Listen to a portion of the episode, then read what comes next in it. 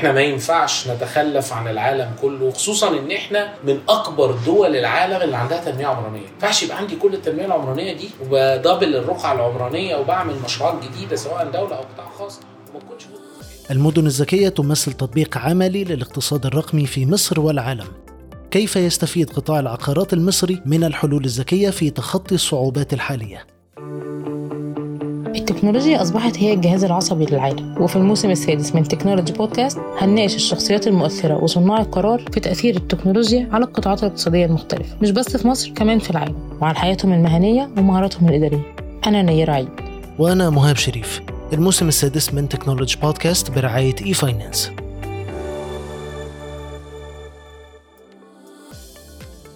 القطاع العقاري في مصر يساهم بحوالي 20% من الناتج المحلي الإجمالي ويوفر أكثر من 5 ملايين فرصة عمل. وفي الفترة الحالية مع نمو حركة البناء في مصر في ظل تحديات عالمية كبيرة بدأ القطاع يواجه تحديات دعت أكبر الشركات العقارية لوضع تصور للصعوبات وسيناريوهات لتجاوزها. الدكتور أحمد شلبي الرئيس التنفيذي والعضو المنتدب لشركة تطوير مصر في أول حلقة من الموسم السادس لتكنولوجي بودكاست حدد أهم التحديات اللي بتواجه القطاع والحلول المتوقعة للتغلب عليها. السوق في مرحلة critical شوية لأن السوق العقاري للأسف في الفترة دي بيعاني من تراكمات جاية من 2016 خليني في الأول أقول أساس الموضوع إن الموديل بتاع الشركات العقارية في مصر مبني على البيع الأول وبعدين البنى والبنى مش في سنة أو اتنين لا البنى في أربع سنين. والعميل بيقسط على 8 سنين و10 سنين. فالموديل نفسه critical المشكلة إن إحنا من 2016 واجهنا تعويم قوي جدا. تبعوا تحرير أسعار الوقود ضريبة المبيعات طبقت على كل حاجة ضرائب المقاولات زادت من 2.5 ل 5 ففي أعباء كتيرة جدا جدا جدا كلها صبت في حتة واحدة المطور العقاري.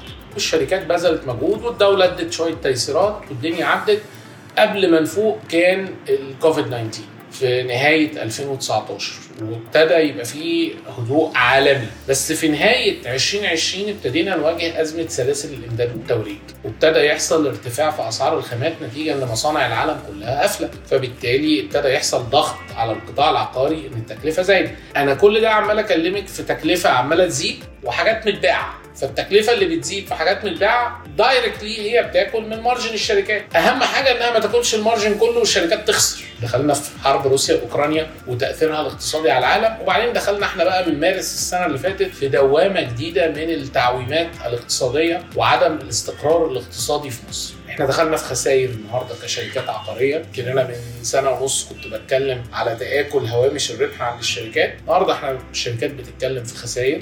الشركات بتتكلم في وضع صعب جدا وتاني الشركات الكبيرة بتقدر تستحمل شوية سواء بملاءة مالية أو بمحفظة أراضي تساعدها على التعويض. في شركات النهارده شبه هتبقى مش موجودة. ده وضع فورس ماجور ده وضع قوة قهر لازم نبتدي نفكر كدولة وكقطاع خاص هنتعامل معاه إزاي لأن في طرف ثالث اللي هو العميل برضه معلش ملوش ذنب. تحركات جادة بين الدولة والقطاع الخاص. الحمد لله الدولة بتسمع لنا كويس. في اجتماعات كتيرة بتتم في قرارات اتخذت. أغلب القرارات اللي اتخذت بتخفف شوية الأعباء بس لغاية دلوقتي مش قادرين نوصل لقرارات تخفف الأعباء المالية. ممكن ده اللي إحنا محتاجينه. منها على سبيل المثال الفايدة بتاع أقساط الأراضي. فايدة أقساط الأراضي النهارده فايدة البنك المركزي بقت مرعبة. طب إحنا ليه ندفع؟ إحنا واخدين أرض بالتقسيط وعاملين دراسات على 8 ل 100 و9 ل 100 و10 ل 100 ليه ندفع 20 ليه ما يبقاش زي شركة العاصمة مثلا إنها تبقى 10 ل 100 تبقى ثابتة؟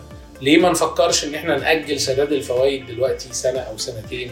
يعني محتاجين أفكار زي كده. اسعار الأراضي محتاجة مراجعة نسب الشراكة محتاجة مراجعة. التمويلات البنكية بقى قصة كبيرة جدا لأن بصراحة البنوك محتاجة تلعب دور أكبر في الاقتصاد المصري كداعم للاقتصاد. البنوك مركزة أكتر على الريتيل لو هيقدروا يعملوا لنا مبادرة زي الصناعة والزراعة 11% تمويل عقاري الوحدات تحت الإنشاء؟ الموضوع بنطالب بيه بقى لنا أربع سنين. يعني إحنا للأسف دايما بنستنى لما تبقى خلاص المشكلة خلصت على الناس ونبتدي نفكر في الحل إحنا بنتكلم فيه بقى لنا ثلاث سنين وأربع سنين. تمويل عقاري الوحدات تحت الإنشاء؟ هو ده الحل الوحيد للوضع الحالي. المطور لازم يخرج بره فكرة إنه بيقسط على 8 سنين و10 سنين. المطور لازم ياخد فلوسه على أربع سنين اللي مده التنفيذ وبعد كده العميل يكمل مع التمويل العقاري. تصدير العقار خلاص بقى عنوان الساعة. طب يا جماعة ما إحنا بنتكلم بقى لنا 12 و13 سنة في تصدير العقار وليه ما بيحصلش؟ لأن إحنا دايما بنبص على الهدف مش عايزين نبص على الآليات المطلوبة لتحقيق هذا الهدف كلنا قاعدين نتكلم على تصدير عقار نجيب عوائد دولاريه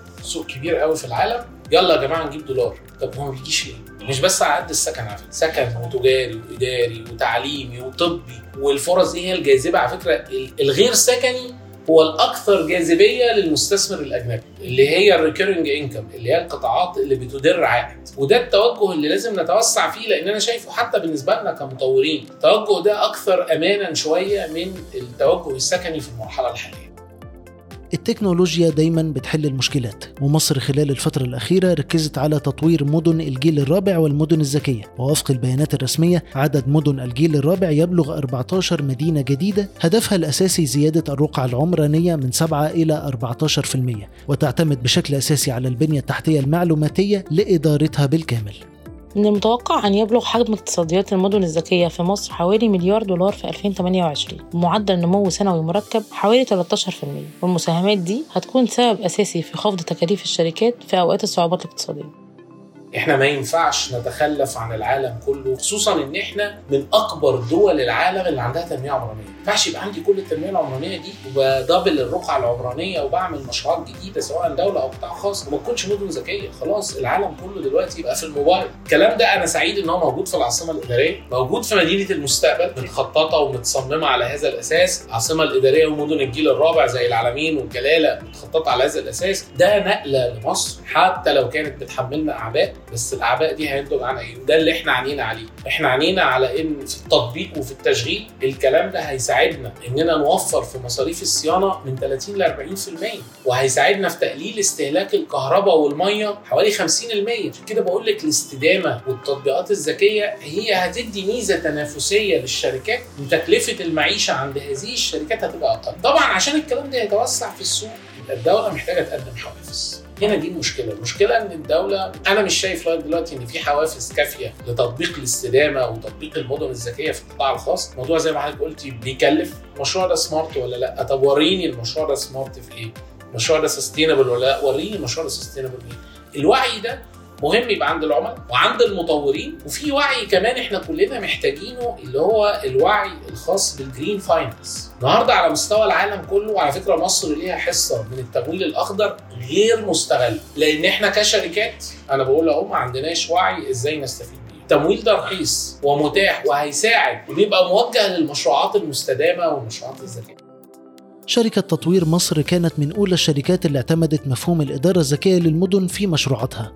يمكن إحنا كنا محظوظين كشركة إننا من 2014 من أول ما ابتدينا على فكرة. وإحنا حاطين هدف إن مشروعاتنا ذكية ومستدامة واستثمرنا في الانفراستراكشر fiber optics وشبكة ذكية شبكة إنارة ذكية شبكة محولات ذكية شبكة ري ذكية عدادات كل حاجة كل حاجة معمولة في مشاريعنا معمولة smart عشان إحنا عارفين إن ده عاجلا او اجلا ده نمط الحياة. عندنا app لتطوير مصر خلاص هنطلقه قريب إن شاء الله. ال app ده هيخلي العميل شايف كل حاجة. اولا شايف كل حاجة في كل مشاريع الشركة. ثانيا شايف كل حاجة في بيته. يقدر يدفع كل فواتيره من خلال ال mobile app. يقدر يشغل مية ويطفي مية ويشغل كهرباء ويطفي كهرباء. يقدر يحجز في المطاعم اللي موجودة في المشاريع. يقدر يحول لاولاده فلوس جوه المشاريع يشوفهم هم موجودين فين. قصة تانية أسلوب حياة مختلف. وإحنا مع بداية الحياة في مشاريعنا زي فوكا باي وزي المونت جلاله وزي بلوم فيلدز قريب إن شاء الله هنبتدي نعمل monitoring لده ونبتدي نقارن التكاليف عندنا بالمشروعات القديمة ونقدر نثبت ده رقميا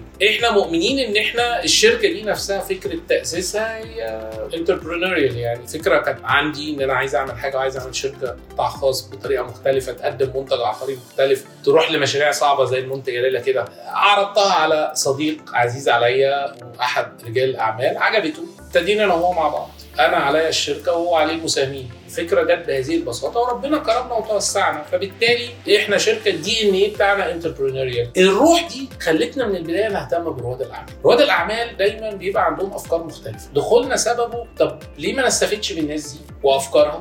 ونحاول نوظفها في مشاريعنا. خد بالك التطوير العقاري فيه ميزة فيه متعة جميلة جدا. إحنا بنبني حياة. إحنا مضينا مع GEN Global Global Entrepreneurship Network إن إحنا نفتح GEN hub في مستقبل سيتي في مشروع بلوم فيلدز وما زال التوقيع ده قائم وإحنا دمجناه مع جامعة NJIT الجامعة فيها مركز للإنوفيشن للإبداع ورياده الأعمال. فالمركز ده هيبقى بين الجامعة وبين جن الخطة الاستثمارية لتطوير مصر مع تركيزها على التكنولوجيا كقاعدة أساس تشهد تطور كبير خلال الفترة الحالية واللي من شأنها أن تنعكس على أعمال الشركة في المستقبل.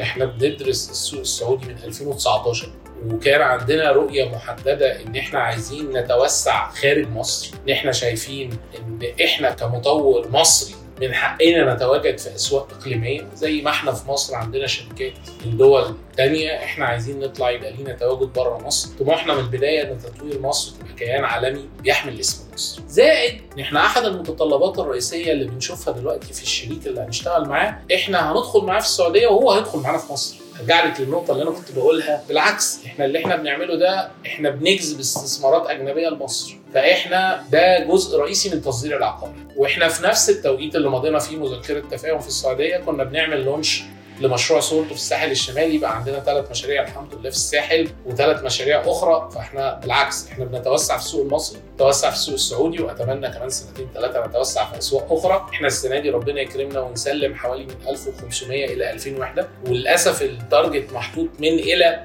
لأن في عوامل كتيرة قوي خارجة عن إرادتنا. إن شاء الله الحد الأدنى يكون 1500 وحده نأمل اننا نصل ل 2000 ويمكن أكتر. السنة دي هيبقى عندنا شيء مهم جدا. بلوم فيلدز هنبدأ تسليمات فيها خلاص قريب شهر سبعة إن شاء الله 6 أو 7 نبدأ تسليمات في مشروع بلوم فيلدز وده خطوة جديدة لينا لأن إحنا سلمنا قبل كده في فوكا باي والمونت جلالة. السنة دي هنسلم في بلوم فيلدز وبلوم فيلدز فيها نقطة كمان إن إحنا بنقدم نموذج حياة مختلف. lifestyle مختلف بخدمات على ال roof بتاع ال clusters إحنا بنستهدف حوالي 12 مليار جنيه مبيعات يمكن تزيد شوية يعني من 12 ل 15 برضه range لأن للأسف إحنا بكل شهر بنقعد نبص على الوضع ونقيم الوضع والوضع مش سهل. إدارة رؤوس الأموال المادية والبشرية بتستدعي قدرات خاصة في المديرين وخبرات طويلة متراكمة وفي حلقاتنا كلها هنركز على البشر اللي ورا نجاح الشركات الكبيرة والمؤثرين في القطاعات الاقتصادية. دكتور أحمد شلبي كانت ليه مسيرة حافلة من الإنجازات وعوامل كتير أساسية ساهمت في تحويل شركته لواحدة من أكبر الشركات العقارية الذكية في أقل من 10 سنين.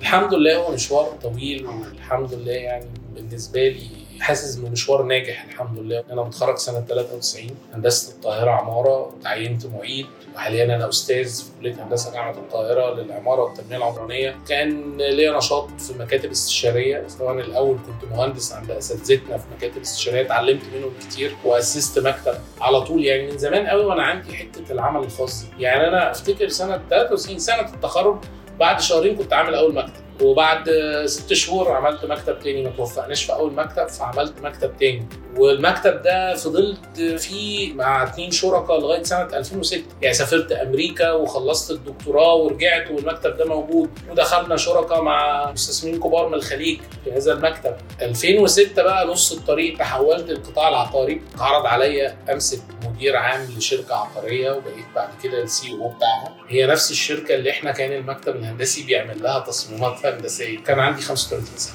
هي أول مرة بقى خدت فيها هذا ال position أو هذا ال title كانت تجربة ناجحة جدا واتعلمت فيها كتير جدا جدا. لأن برضو كنا بنستثمر كويس في الاستشارات. بتكلم لغايه دلوقتي وفاكر أسماء الناس. الناس دي كانوا محترفين جدا في وضع منظومة تطوير العقار اتعلمنا منهم هذا الكلام واستفدنا منهم هذا الكلام. بعد كده كنت مستشار وزير الإسكان الفترة دي ادتني بعد تاني خالص بقى. رحلة مليئة بال جدية ومليئة بالعمل الجماعي. وأنا دايما بلف وأدور وأرجع للعمل الجماعي لأن مفيش حد فينا يقدر يعمل حاجة لوحده. العمل الجماعي والإبداع أنا من وجهة نظري الحاجتين اللي ساعدوني خلال الرحلة دي كلها إن أنا أقدر أحقق نجاح. أساس بقى في الأول وفي الآخر دعاء الوالدين ودعاء أمي الله يرحمها عليها وفعلا ده من الحاجات اللي هي واحد بيحس دايما إن هو عايش بيها.